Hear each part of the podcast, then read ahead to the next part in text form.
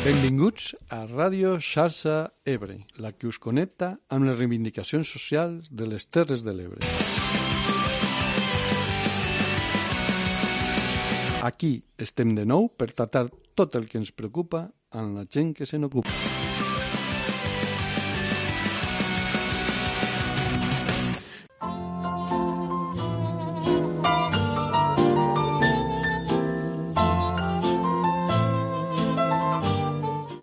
Noia jove és essencialment vital, es mou amb molta soltesa, practica algun esport, corre pels carrers, vesteix de manera informal, pedaleja amb força al damunt de la bicicleta, fuma i xiula posant-se quasi tots els dits a la boca.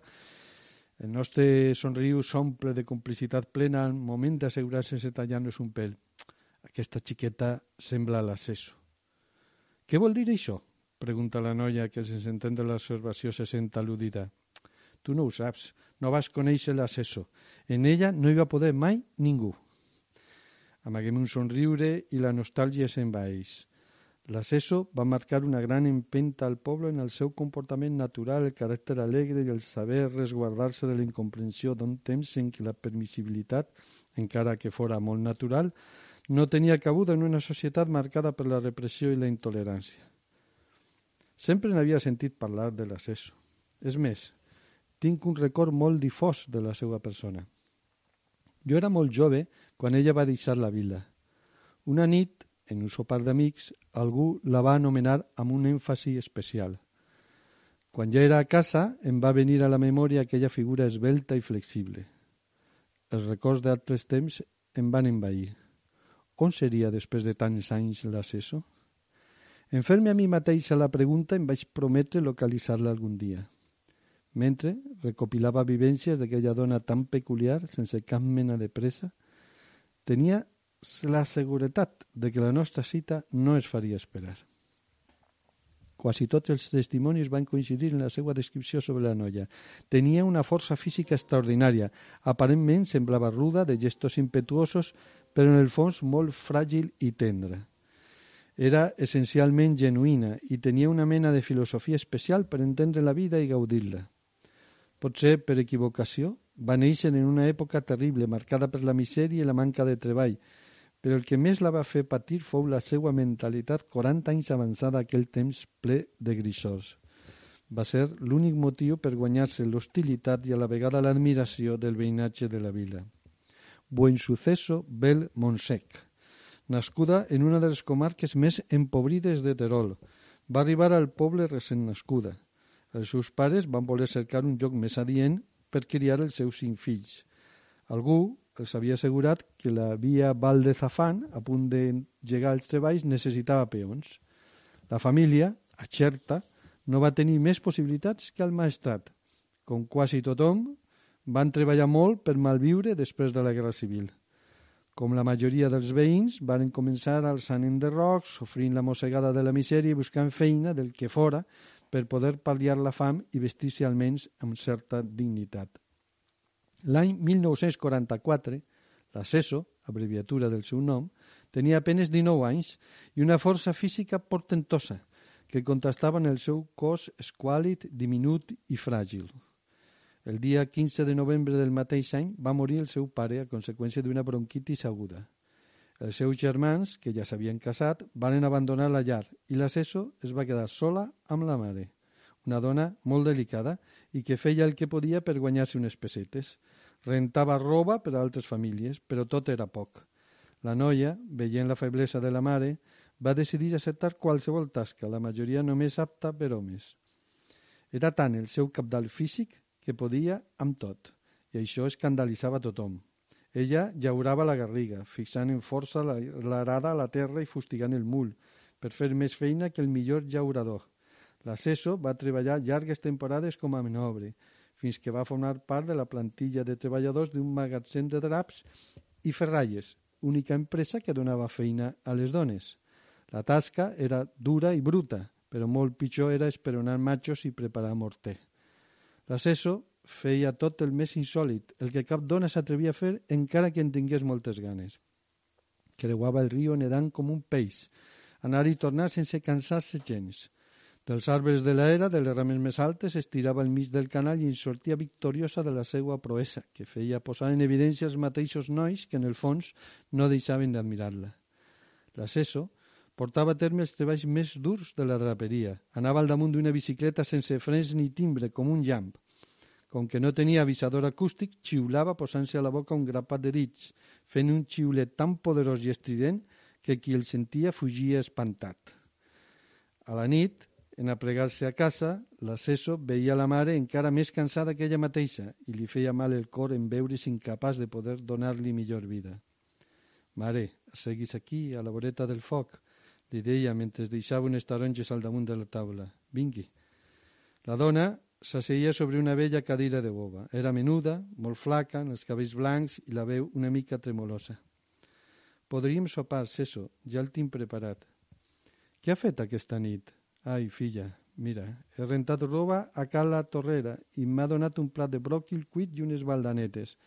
Només m'ha calgut fregir-ho. Quan tu vulguis ja podem sopar. Sopaven. El foc caldejava la petita cuina i elles s'arrupien dins els seients atrotinats fins quedar-se quasi adormides. Llavors la mare, fent un esforç, s'aixecava i sense mirar la filla li dia «Va, Seso, a dormir al llit. Demà tens de llevar-te d'hora».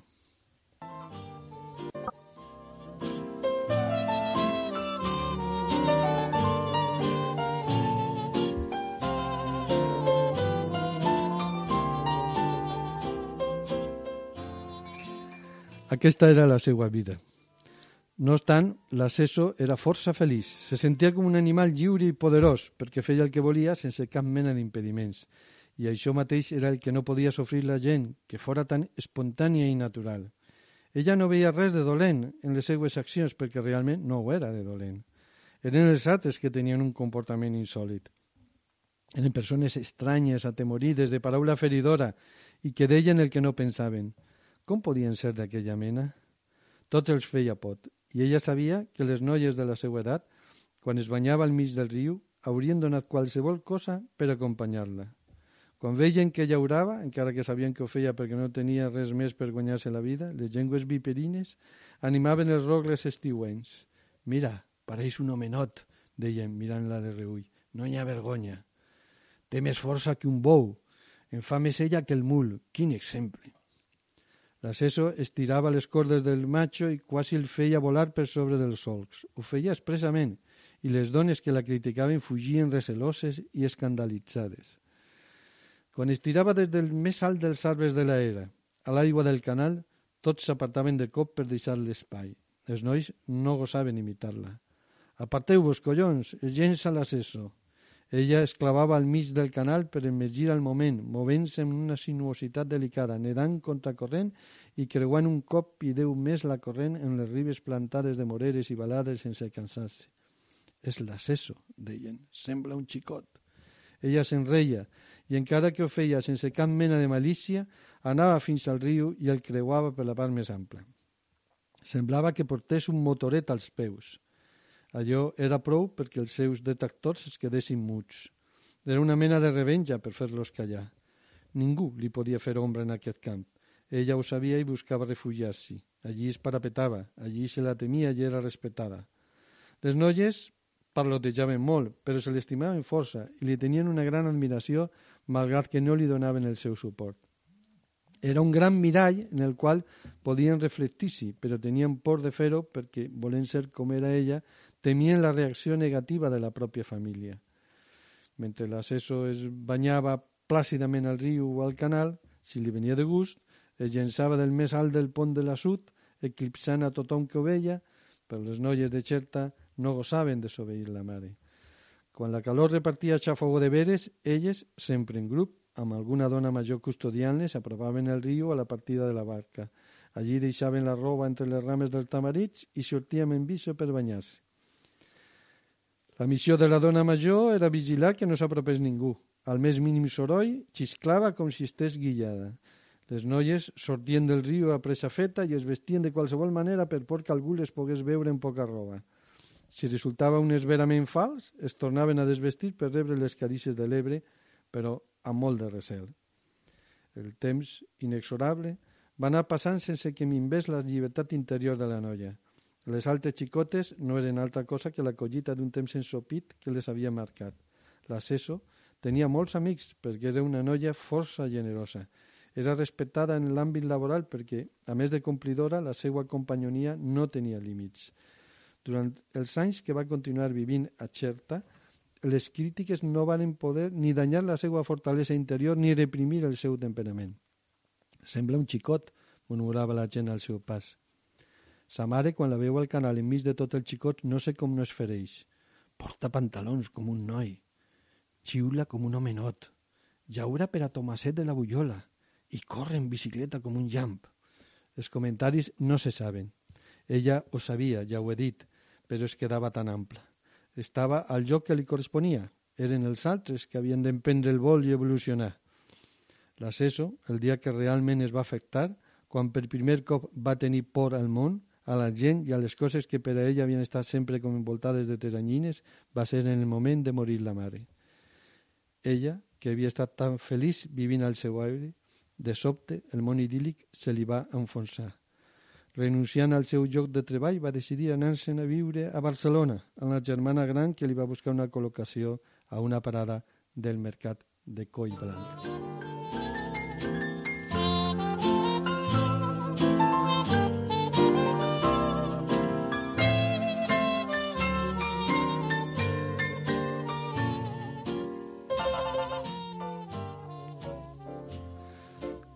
Quan a la fi es va produir la nostra trobada i mentre preníem un cafè, em va confessar que feia molts anys que no anava a Xerta, concretament 30. Ho havia intentat moltes vegades per portar flors a les tombes de seus pares, però sempre li va faltar coratge. Des de Tortosa anava a Xerta amb un taxi. Quan veia el poble des dels estrets, en llàgrimes als ulls, li deia al conductor que fes la volta per tornar a l'estació de Renfe. No podia resistir l'emoció de la tornada, ni enfrontar-se amb els records. En donar-li el llibre que jo havia escrit dedicant-li a ella un dels millors capítols, els ulls se li van omplir de llàgrimes. Mentre en retornava l'exemplar, la seva mirada trista em va commoure. El seu somriure era tendre, amorós, quasi infantil. Mira, noia, em va anar dient quasi en un murmuri. En la vida vaig treballar tant que no em va quedar temps per aprendre a llegir ni escriure. Però m'ha agradat molt el teu detall. Mentre prenem un altre cafè en un ratllet d'anís, tu en llegiràs totes les coses bones que has escrit sobre mi, perquè són bones, oi? Tens cara de bona persona i hauràs fet el treball com cal. Va llegir, relegir, fins que ella, esgotada les llàgrimes, va voler tornar a casa en el desig que ens tornéssim a trobar. No va ser possible. Tres mesos després, sa germana la va trobar morta al llit. De segur que la mort la va sorprendre entre la boira dels somnis.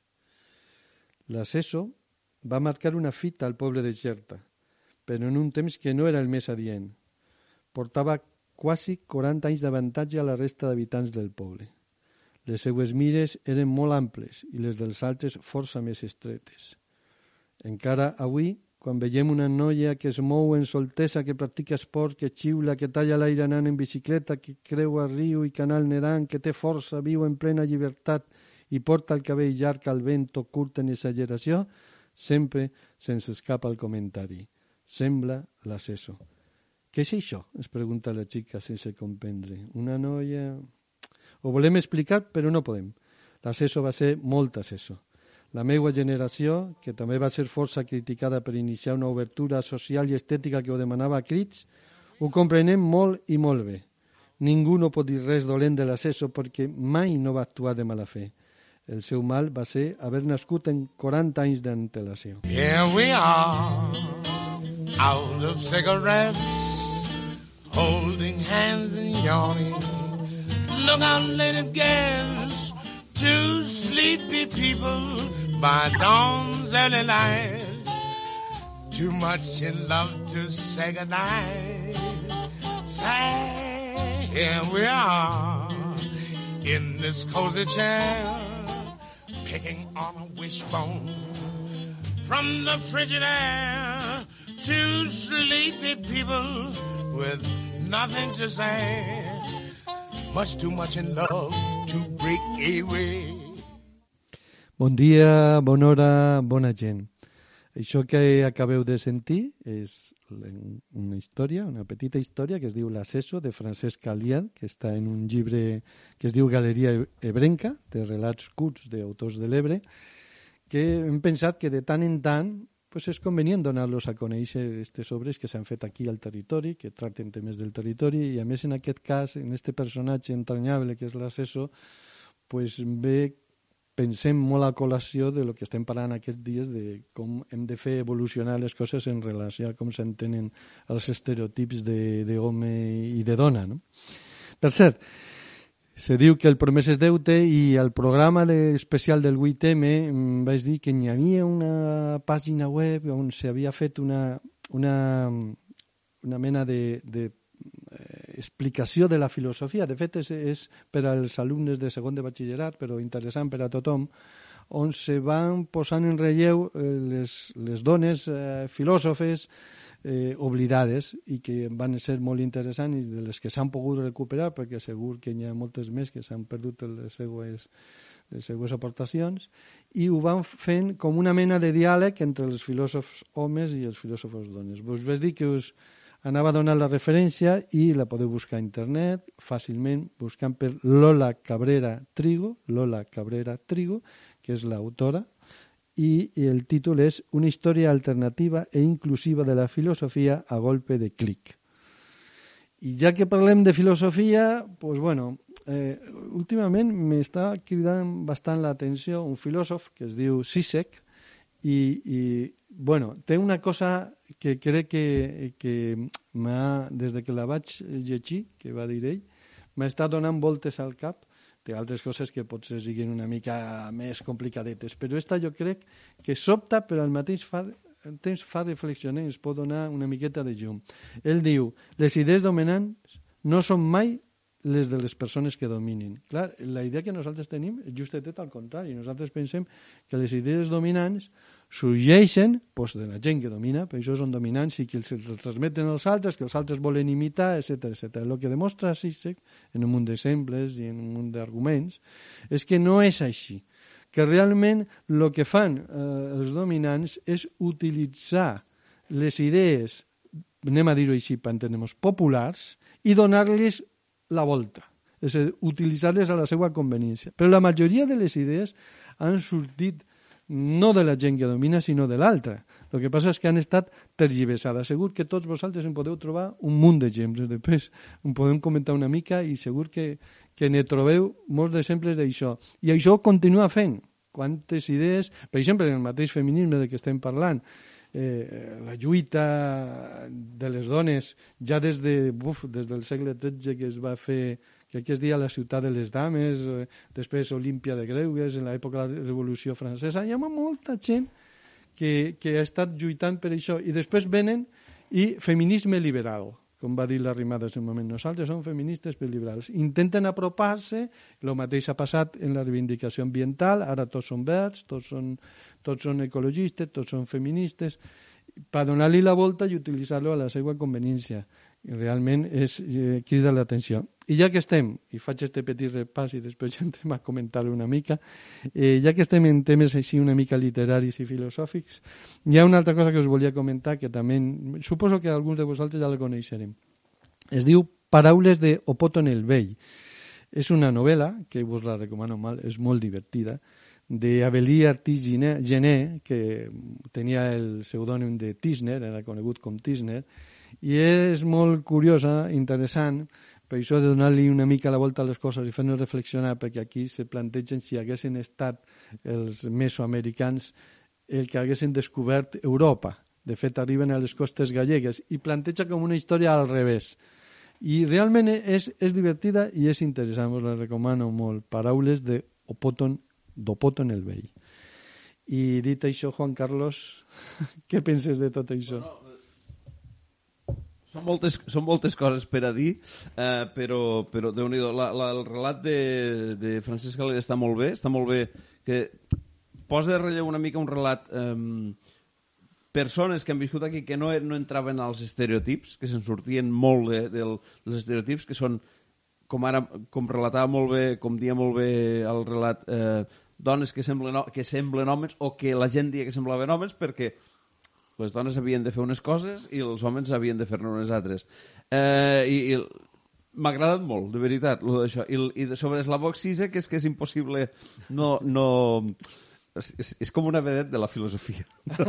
Ara sí, ara està de moda. És un, sí, sí, però, però a més la, la manera d'ell d'expressar-se i de posar-ho tot en, en qüestió, tot, i tot vull dir inclús la seva pròpia ideologia, les, eh, perquè suposo que no ets bon filòsof fins que no et poses en dubte a tu mateix. Mm. La, poses a prova les teues pròpies idees. Esperit crític. Sí, sí. I a veure, si busqueu al YouTube hi ha, eh, a part dites, vídeos breus de Slavoj Zizek, eh, però vídeos també més extensos, posa en qüestió tot, tot, des de, de, de dalt a baix. A més, eh, és lo seu, els filòsofs haurien de fer això. Té un avantatge sobre altres filòsofs eh, que, que com no és angloparlant, quan parlen anglès s'entén. S'entén perfectament tot. I, i, i, i, és, és... Hi ha una cosa també en castellà, no sé si hi ha alguna en català, de, Sí. de Sisek, sí, sí. No, no sé. No, no, ara jo, he, mateix vi- no ho jo, sé. jo he vist alguna, sí. Sí. Ah, Com a mínim subtitulades, que, que, el- que inclús subtitulades Sí, per als que no. Però sí. és que si desconnectes els subtítols i tens un anglès nivell eh, Mitjanet, batxillerat, diguem, mitjanet. sí, eh, pots entendre'l perfectament perquè quadricula, eh? com article, o sigui, subjecte, predicat, com traduïs directament. És, és molt bo, és molt bo. I a més, sí, ara, per als que no us agrada que us posen en qüestió les vostres idees, no, no, no el mireu. Ara, jo el recomanaria a tothom. És, és molt bo. És, ha estat una, una començament d'Artist Gené, també molt bé. És, és, és un, són una sèrie d'idees que... Una mica com estem en l'última- estos últims programes posant sortim món dels estereotips, des del 8M i, i tot el que hem anat parlant, i el que vindrà més ara en els propers programes dels animalistes. Home, ha estat molt bé. Pues me n'alegro, me n'alegro. Tu el de Opoto en el vell ho has llegit? No, no, no l'he llegit, no l'he llegit. L'he- fullegit. Sí, és el problema de, de massa llibres per llegir. És lo d'això. Un dia, però me l'hauré de llegir. Me l'hauré de llegir. tu passaràs bé, tu passaràs bé perquè és que te fa, te fa posar una somriure, un Sí. somriure des del començament fins al final, perquè t'imagines la situació i, i, i, bueno, i realment, clar, ell ho planteja eh, que els, els mesoamericans no van venir en els aires de conquesta i d'exterminació que van anar Sí. des d'aquí cap allà. Eh? És una altra manera, és un, és un xoc cultural, no? Sí, lo, lo que passa és que, per desgràcia, a mi me, me da que la naturalesa humana hagués fet que si los que haguessin vingut haguessin sigut lo, los d'allà cap aquí a descobrir-nos eh? ja, ja, això dels descobriments eh, ha- haguéssim acabat igual vull dir, eh, eh, perquè normalment l'ànsia de descobrir és o per recursos naturals o per anar a conquerir o per anar a aconseguir mm, Sí, però mira... Eh, Anem a veure, perdona, Sí, sí, sí, que com digues, que tu digues. coneixes bé també els pobles eh, mesoamericans i, i sud-americans, azteques, inques, i això se, se, se, se basaven bàsicament en la dominació Mm. dels més dèbils. Vull dir, Sí, per això, Bàsicament per això Tisner eh, hàbilment no agafa ni que recordar que no eren azteques ni, ni inques, eren maies, que, bueno, Sí.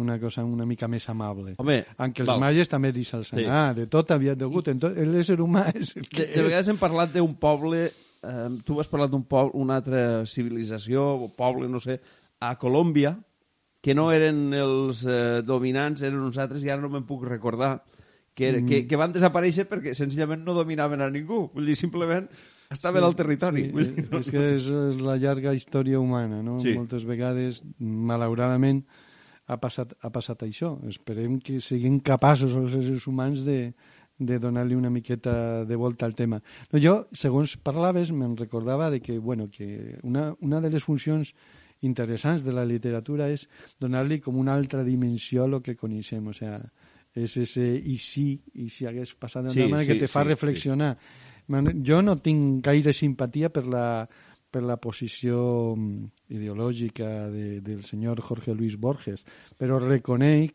reconec que és un bon escritor. I una bon- de les coses que feia era això de, de contar un conte, me'n recordo, per exemple, la loteria de Babilònia, Sí. on, diguem Estava pensant Sí. en este la situació és eh, eh, quotidiana en el 99% de les coses, però hi ha un 1% que ell ho distorsiona de tal manera que acaba canviant Sí, tot, sí. tota la resta. I, i això t'il·lumina una miqueta com, com, com podrien ser les coses i les possibilitats de canvi que estan dins de la realitat que vivim i que de vegades ens sembla que, que, que, que ja està decidida, que pràcticament no es pot canviar sí, res. Sí. Esta funció de la literatura com a revulsiu i de la filosofia És- sí. és capdalt, jo crec. No, no, és te trenca. Sobretot, jo ho recomano a la gent jove, jove me refereixo a, en adolescents, ho recomano a tothom, evidentment, que, que llegui a Borges i a tot les, i este tipus de relats, però a la gent jove, a la, eh, quan t'estàs formant, que, perquè trenca una mica els esquemes i veus les coses d'una altra manera. En el cas de, de Borges, és, és, és cada sí, relat. En el cas de, de Borges, eh, llegir el que va escriure de ficció i no llegir el que, Sí. lo que, lo que va escriure de no ficció o llegir-lo però en esperit crític. Perquè bueno, Déu-n'hi-do és que, també, bueno, que va estar... No, no, no podia ser perfecte en tot. Sí, a costat de la dictadura argentina, bueno, això, això és més que no ser perfecte, això és francament pf, eh, terrible, terrible, sí, sí, no, ho va defensar, després se va empenedir una mica al final, bueno, és tota una història. Bé, eh, jo, ara que, parlem, que parles de gent jove, eh, la gent jove que vam escoltar al programa anterior Mm. de la Comissió Feminista de la Ven, Sènia... venen forts, eh? Sí, sí, venen Elles venen molt fortes. Espero que comenci a repartir samarrades perquè fa falta una miqueta... Ho fan, ho fan, ho estan, ho estan fent. dialèctiques, dialèctiques. Sí, no, sí, cal sí, sí. no cal pegar ningú, però, però espero que... I de fet la, la falca, la càpsula que elles van fer, eh, que van posar al programa anterior sobre educació a, a quatre o cinc veus, va estar molt bé, perquè van treure, com que diu, els colors de moltes coses que passen dins del món educatiu i que s'haurien de canviar. I al final d'esta càpsula ens recomanaven una cançó que ja vaig dir, seguint lo del que el promeses deute, que en aquell cas no la posàvem, perquè no podíem per qüestió de temps, però ara la posem. Eh, es diu Dones i és de Tessa, escoltem-la. algún día, si algún día, si algún día, si algún día, si algún día. Ei, dones, què passaria si un dia s'alçarem? Si trencarem els barrots, si plenarem les garrafes, els deixaríem a tots plegant garrofes. Que ja és hora que deixen de manar, que la igualtat és una cosa que no cal demanar, que és per cagar-se, és per no torcar-se, patriarcal, cal enterrar-se, que estic cansada de veure la mateixa escena. Ell la domina ella. Quin fàstic, la tele és un càstig, un món fantàstic, però no sóc de plàstic. Ja si estic i veig les coses clares, al tindres de pobresa, si tens fills eres mare. Són els speech, jo canto esta cançó i sempre més ric si parlen de conciliació. Som les dones, les dones, les dones, què passaria si un dia s'alçarem? Som les dones, les dones, les dones, si un dia s'alçarem totes? Pour ceux qui doutent, je suis une femme sa route. Indépendance, libération et la prison pour tous les brutes qui nous frappent, nous touchent. Sans consentiment, le sentiment de tout en genre. J'exprime avec ces mots. On a eu assez de tous ces pauvres acharnés qui braillent. Sachez, aujourd'hui commence la bataille. Rien à faire si tu bégayes, t'as pas la taille, on a la rime, envie de rire, faire pagaille. Hein. Ravi de ma vie, d'avoir embrassé l'anarchie après pas mal de péripéties. Suprématie bien méritée, la réalité nous enseigne. Rien à foutre si tu saignes, j'ai paniqué pour évoquer le patriarcat et ses merveilles. Les femmes, sommes les femmes, sommes les femmes, hein. On va vous gouverner, arrêtez de faire l'infâme. Sommes les femmes, sommes les femmes, sommes les femmes, hein. On va vous gouverner, arrêtez de faire l'infâme. Vivo al límite, ¿qué vamos a hacer? Estamos condenados por la vida. Sigue tu camino, vives con angustia y rencor, amate. Buscas una ley en tu colchón, buscas una musa para que te dé placer, que te empotre. Solo quieres fama, pero somos pobres. Nunca viste el dictado que te marca el tiempo. El tiempo pasa, pero estás mintiendo. Entiéndeme, necesito espacio. No somos de arriba, pero estás abajo. La tía es más leve, aunque luego duele. Quiere limusina, pero no se puede. Eh, eh. Trabajo, tendrá dinero. Los vicios lo paga y sobra pa' luego. Busca trabajo, tendrá dinero. Los vicios lo paga y sobra pa' luego. La mujer, la mujer.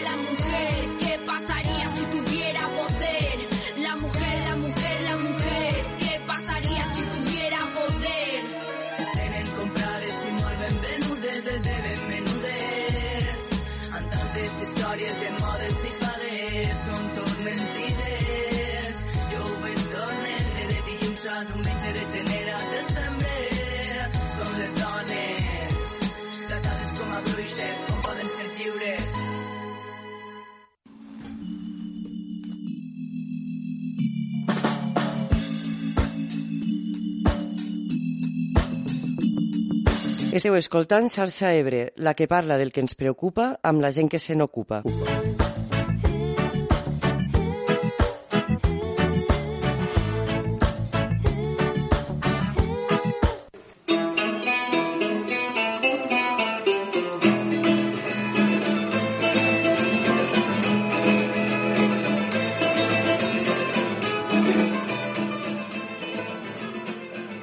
Per tancar aquesta primera part del programa, i ja que parlaven de Sisek i de que hi ha moltes coses en, en anglès, eh, tinc aquí davant un llibret, i dic llibret perquè té 140 pàgines escacs, exactament 143 pàgines, eh, i a més és de mida de, de llibre de butxaca, o sigui que és, és curtet, lletra gran, es llegeix amb facilitat, es diu En defensa de la intolerància. i és de, és de, eh, del- d'una col·lecció que va treure el diari El Público. Val, és breu per a ser filosofia. Sí, sí, sí. És breu i a manoset, o sigui, es llegeix en facilitat, no, no és gaire complicat ni gaire tècnic. Provocatiu, ja ho diu, en defensa de la intolerància, perquè més o més ve a dir que tolerem massa coses que no hauríem de tolerar. Mm. I en determinats moments s'han de quadrar, hem de quadrar i dir per aquí, per aquí no passem, no? Mm -hmm. Bé, i canviem de terç. I ara el que farem, ja també ho havíem anunciat, és eh, presentar d'alguna manera el programa de debat que tindrem la setmana que ve. Que ja vam dir que serà sobre com tratem els animals i sabeu que sempre fem una primera part d'introducció de context. En aquest cas eh, serà mm, mitjançant una entrevista que hem fet a Aida Gascon de Anima Naturalis.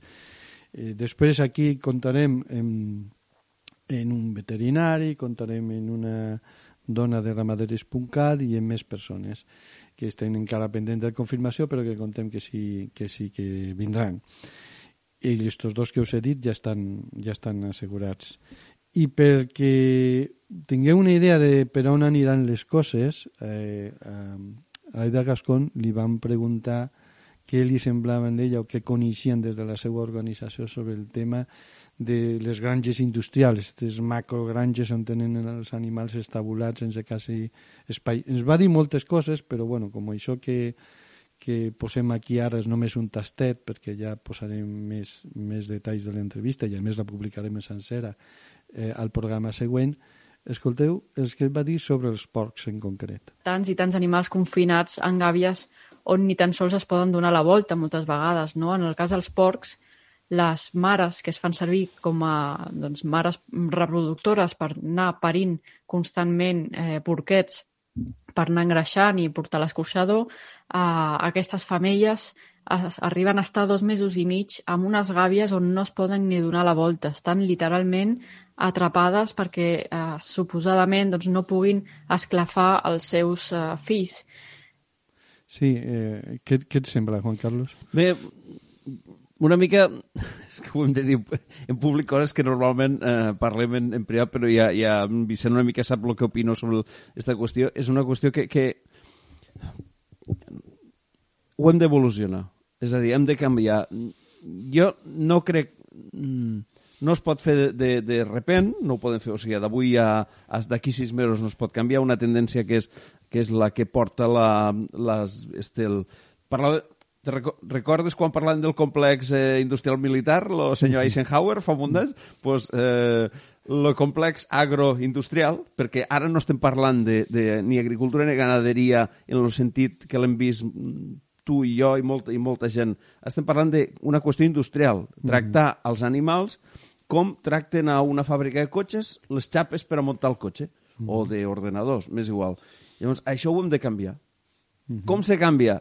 Bé, diguem que nat nosaltres hem de fer pressió, crec que ja l'estem fent, i, i hem d'aconseguir que els que mos, en teoria mos governen i mos fan anar cada quatre anys a votar, s'hi s'hi posen d'una vegada. Perquè és que hi ha una sèrie... A veure, aquí, aquí ja mos ho va explicar Álvaro Arasa i els que hem tingut, la gent que hem tingut als, als anteriors programes, que, el, que hi ha un problema de, de tenim un munt de- d'animals que mengen, en perdó, caguen i, i, i pixen tots els dies. Va parlar de dos milions. Sí, dos aquí milions. A la zona. Això és un problema. És a dir, i el que, i el que l'altre és la, si, quina necessitat tenim de menjar tots els dies carn, proteïna animal. No cal tots els dies. Si mos fixem en els comportaments, la dieta de fa 30 o 40 anys, la gent menjava carn, o, o més, o 50, si voleu, per una qüestió de carestia, no per altra.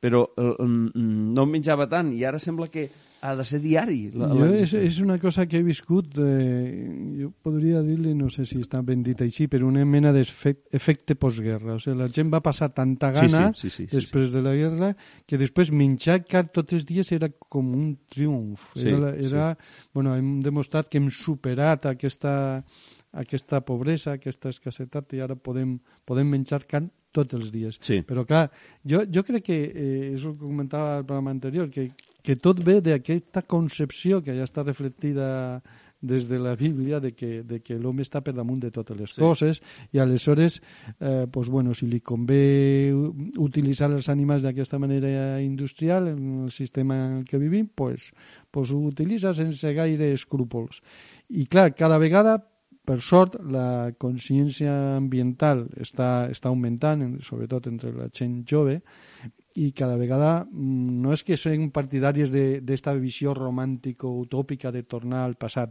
però sí que hem de reflexionar sobre a on ens han portat certes coses de la modernitat Aquí, aquí. i que, i que en realitat hem de tornar a sentir-nos part de la natura i, Mm. i, i integrar-se en ella i respectant-la i això implica pues, no utilitzar els animals de la manera que, que ho estem fent Sí, en gran part. és que puc aportar una dada més perquè més o menys és, és una cosa que m'agrada de tant en tant anar-ho mm, mirant a les dades que es publiquen.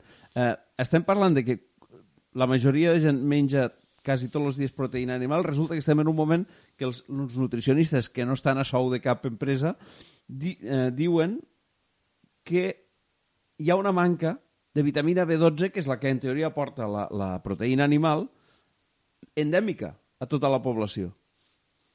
Mm. Llavors, aquí hi ha, algun, hi, ha, hi ha alguna cosa que no quadra. És a dir, si estem menjant més carn i resulta que no tenim la vitamina B12 que hauríem de tenir, vol dir que alguna cosa falla a la dieta.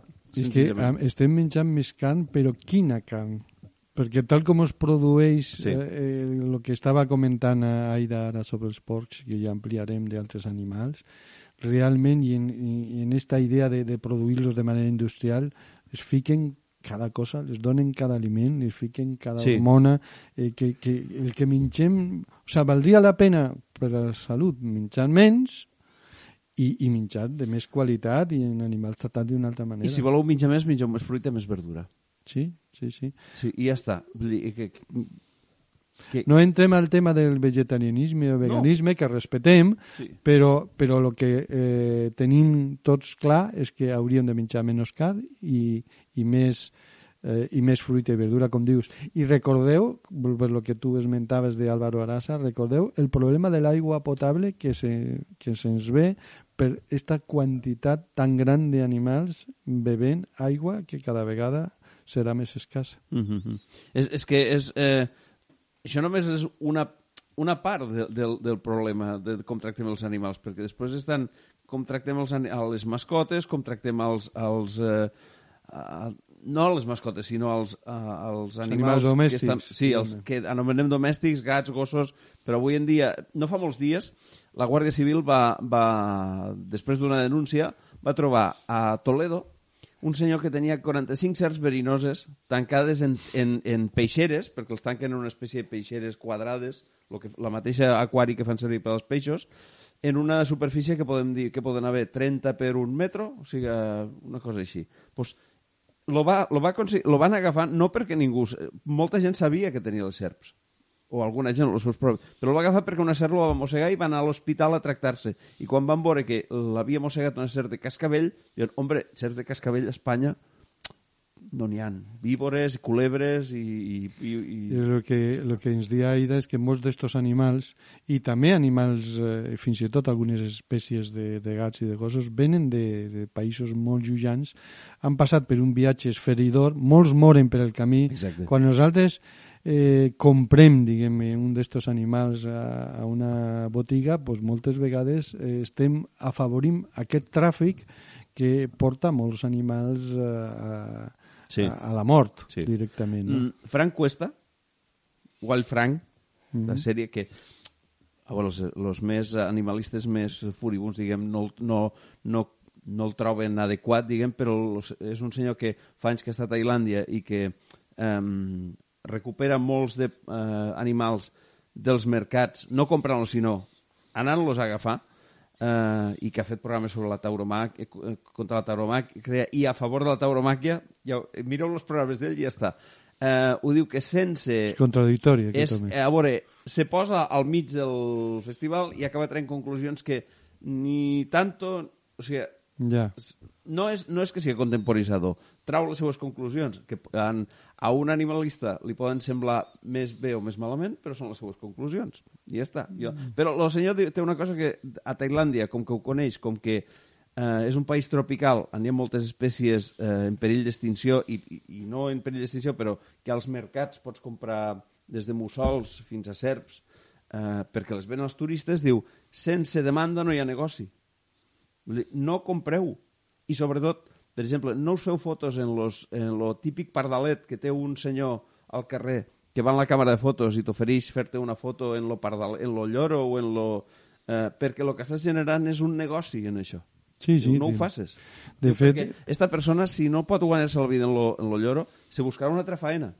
I deixarà de massacrar lloros del, del, del, de la selva. De fet, eh, Aida i els animalistes, no sé si furibuns, però jo, jo crec que tenen tota la raó en això. Diuen que, a veure, si, No, no. Vols, tenir, si vols tenir un animal a, a casa, adopta'l, que n'hi ha molts esperant ser adoptats, Exacte, i aleshores garantisses que estarà en tu millor que el que estava abans i no cal afavorir aquest tràfic. Però bueno, ja que tractem aquest tema, precisament anem a posar un altre tall d'Aida que ens està parlant d'això, dels abandonaments, i després ho torn, tornem per comentar una mica Ho més. estem veient que les protectores comencen a notar un augment de gent que s'acosta per mm, deixar el seu gos o el seu gat perquè no se'n pot cuidar, perquè ha perdut eh, poder econòmic i no poden cuidar-se d'un gos o d'un gat que ens pot semblar que no és gaire cost, però, ostres, quan tenen una enfermetat o alguna operació, han tingut un accident, un gos que s'ha barallat amb un altre, i et diuen que l'operació són 300 euros, 1.000 euros, 3.000 euros,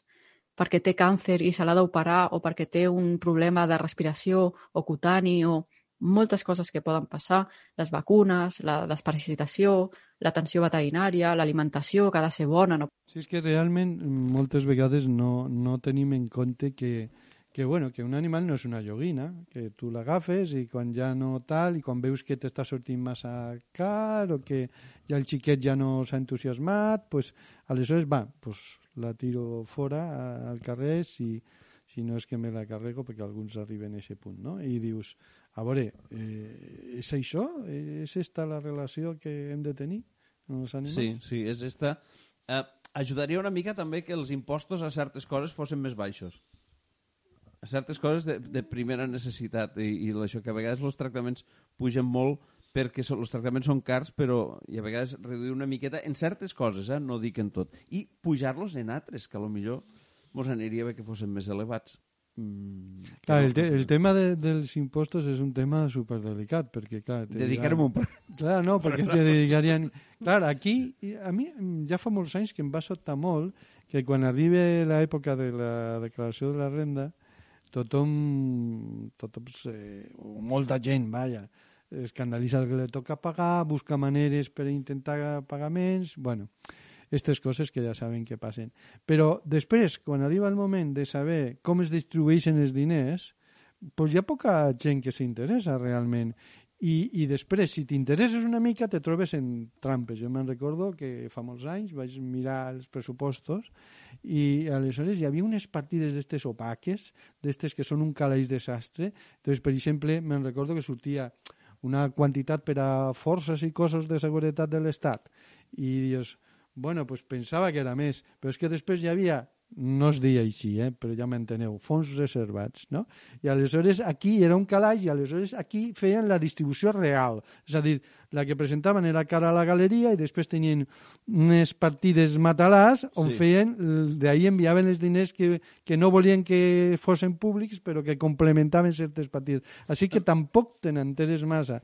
Però realment haurien d'estar més a sobre aquestes coses, perquè clar, esto és un debat públic, perquè hi haurà gent que te dirà, pues a lo millor rebaixar lo de els impostos per les operacions d'animals és menys prioritari que la, certes inversions en salut o en educació, i jo sempre que plantegen les coses d'aquesta manera penso, bueno, primer comencem per llevar coses que estarien quasi tots eh, d'acord en que sobren. Eh, allò que deia el nostre amic Evelio, avionets i cosetes d'aquestes barquitos, avioncitos... I, que són per compromisos que se tenen Fer, fer ratlla vària, no? de, de subordinació a altres països fabricants d'això i que els hem de comprar encara que no els utilitzarem mai. Ah, no, Però- si, no, si Espanya és fabricant d'armes, no hi ha problema. A més- Mos subordinem a nosaltres mateixos. No mos, no, mos subordinem als Estats Units, clarament, comprant sí. certes coses d'alta tecnologia militar i després nosaltres, al seu maner, a la seva, al seu torn, també suportats per la Unió Europea i per, i per Estats Units, encolomem a altres països armes i coses que no és que no només com en el cas nostre no s'utilitzen, és que si s'utilitzen és per a mal. I el famós submarí espanyol, per exemple, Tantes i tantes que s'ha fonat unes quantes vegades. Entonces, sí, clar, mos posen a barallar que si seria millor, diguem-ne, baixar els impostos de les Sí, sí, sí. operacions d'un veterinari contra la salut i l'educació, quan realment, si eliminéssim aquests, aquests, aquestes despeses, Però potser n'hi hauria És que, per a i tot. inclús, si el- eliminéssim aquestes despeses, podríem baixar els impostos a, a, a les eh, operacions. I, per exemple, ho, ho- si no ho dic, rebento. Los impost, lo 21% a les mascaretes, que tots hem, hem estat consumint durant un any com uns pepes i pagant, i el 21% a les, a les compreses i tots els productes d'higiene femenina, És que això, és- això no té, no té, no té trellat. Vale. És que és molt graciós perquè de tant en tant t'apareix a les xarxes socials això, ja sé que sortim d'això, però és que una mica entra... Eh, t'apareix un anunci dient avui reduïm l'IVA del, dels eh, productes d'higiene femenina al supermercat determinat. Tant se val, la, la cadena. Dius, però, però de veritat? I és com em vaig enterar. 21%? Algo que hem de gastar sí o sí. O els penyals. Mm Això és que clama al cel, de No, veritat que... I no estem suficient a sobre. I després està també, ja que parlem d'impostos, com tu dius, hi ha tema per a, per a un programa, però bueno, eh, eh, és la relació entre els impostos directes, que són els que van per renda, que són els més justos, entre cometes, perquè tampoc ho són com haurien de ser, Sí. però bueno, que són proporcionals a la renda de cada família, diguem-ne, i els impostos indirectes, que Sí. els paguem tots, quan- i, i l'IVA en concret. I estos són més injustos perquè eh, ho paga igual eh, una persona que tingui una situació econòmica més difícil com el que està super que té de sobre, no? Paga igual, jo que sé, Bill Gates o el de Sara, a- Amancio Ortega, Ah, sí. o que, que ho puc pagar jo, tu o una persona que estigui en una situació... I no, Molt complicada. no es caldria fer donacions. Si paguéssim més impostos, no haurien de fer donacions, però llavors no sortiria al diari, suposo. Ja, esta és, bueno, esta és la famosa... Com hem arribat aquí, Vicent? bueno, perquè nosaltres, eh, bueno, perdoneu, a nosaltres moltes vegades eh, ens hauríem de controlar una mica perquè anem molt per les branques, però recordeu que el que estem fent és presentar el debat del proper programa, eh, que serà sobre com traten els animals, tratarem tot això, tot això que estem parlant ara, però extensament hi ha gent que, que treballa sobre el tema, en la introducció d'alguns talls més de l'entrevista a Aida Gascon i, i les aportacions dels convidats i convidades i esperem que de tots vosaltres, perquè recordeu que en els programes de debat a xarxaebre.net a la mateixa hora que comença el programa, o sigui, diumenge vinent a les 12, s'activa el xat i a partir d'ahir podeu eh, i esperem que feu eh, aportacions, preguntes, comentaris per a fer això més viu. És un repte, és una aposta que, que estem intentant eh, avançar, que estem intentant guanyar una mica, Mhm. que, que estem contents de que el programa s'escolta cada vegada més. Ara veia que, per exemple, Spotify hi ha bastant gent que ho escolta per Mm. Spotify, però, però no aconseguim que n'hi hagi la participació que Sí. voldríem. Sí, potser, eh, a veure, com passa de manera recurrent, hi ha més gent que eh, escolta i deixa sonar el programa i, i participar sempre costa més, estirar la participació. Però participeu, podeu dir... A més, el xat és anònim Si, voleu, que si- podeu si- posar el nom, si, Si, si voleu posar soc Juan Carlos Fibla i, i, i surt eh, per allí tot mm, està el DNI podeu posar si voleu però i si voleu ser anònim i simplement fer les preguntes que, us cre que creieu oportunes serà molt benvingudes Mentre no, no insulteu ni coses d'aquestes. sí, sí. però apreteu que va dir aquell senyor que era president de la Generalitat sí, sí, es tracta d'això, eh, que mm, participeu perquè puguem fer este programa més dinàmic, perquè recordeu que l'objectiu és fer xarxa. I hi ha un company i col·laborador nostre que ens va dir un dia que a lo millor la gent potser no s'anima, no s'engresca perquè de vegades sembla que tot està com molt treballat, en gent que sap bastant del tema i aleshores no sap bé què dir.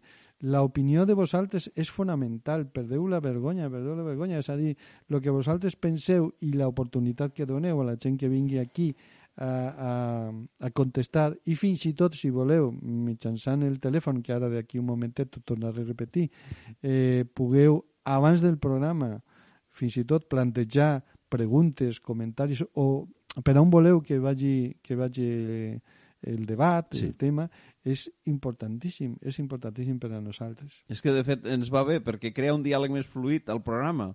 Diguem, si, re, si rebem les, les aportacions dels que ens estan escoltant, una mica pots, eh, les dirigim al, als que participen i enriqueix el diàleg, enriqueix la, la, la, el debat que fem al programa.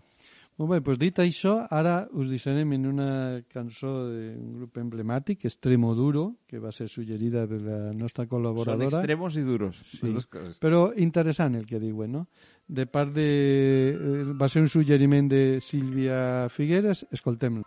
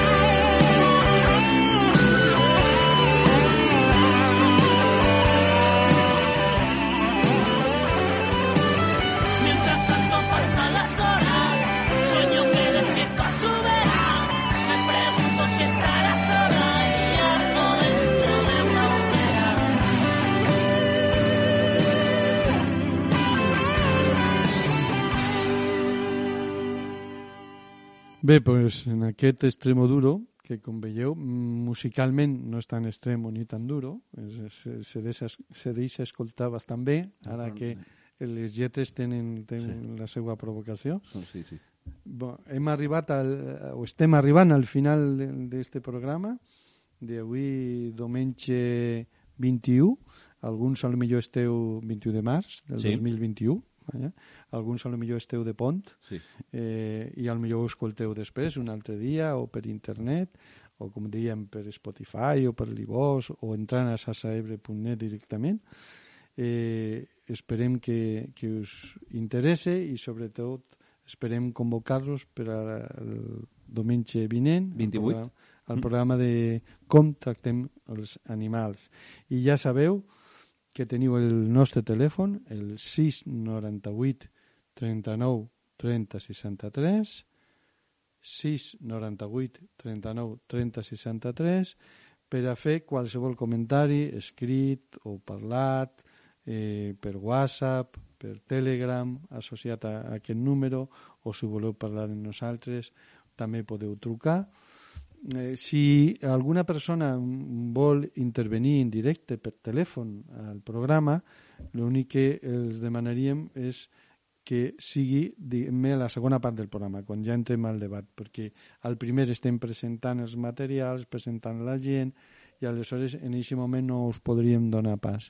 Però, com ho hem fet algunes vegades en algunes persones, si esteu interessats en, en pronunciar-vos sobre aquest tema, que segur que sobre els animals hi ha persones, moltes persones que teniu experiències i que potser us, us avellís explicar-les o plantejar qüestions i que preferiu fer-ho de viva veu, o bé eh, deixant-lo prèviament en la gravació, o si us llanceu a dir-lo directament, doncs truqueu per telèfon i cap problema, us, us donem pas i contem en, en tots vosaltres. Dit això... I participeu. Deixeu-m'ho dir, que si no, Sí, no, sí. si no me quedo tranquil, participeu a xarxaebre.net, escolteu-nos eh, i, i participeu a, a, a, allí al xat de la manera que vulgueu, anònim o públic, com vulgueu. Sí, doneu este pas, almenys alguns de vosaltres, de ser receptors, eh, d'alguna manera participants, sí. emissors. Perquè segur que hi ha més d'un que té inquietud sobre els temes que tractem. I preguntes i, i reflexions i el que sigui. Va, dit en plata, no ens deixeu sols. Exacte, molt bé. Sí, sí, sí, sí, molt bé, molt bé. Perquè és un programa de moviments socials i necessitem gent per fer... S'ha de moure, s'ha de Sí, moure. sí, exacte. Vinga, salut, fins diumenge que ve. Una abraçada a tots. Vinga.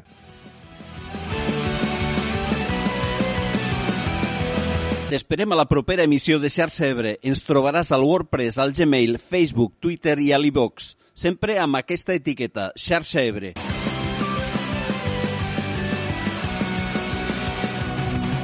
No oblides subscriure't. Sabràs les dates i els convidats dels propers programes. Fins aviat. Seguim xarxa.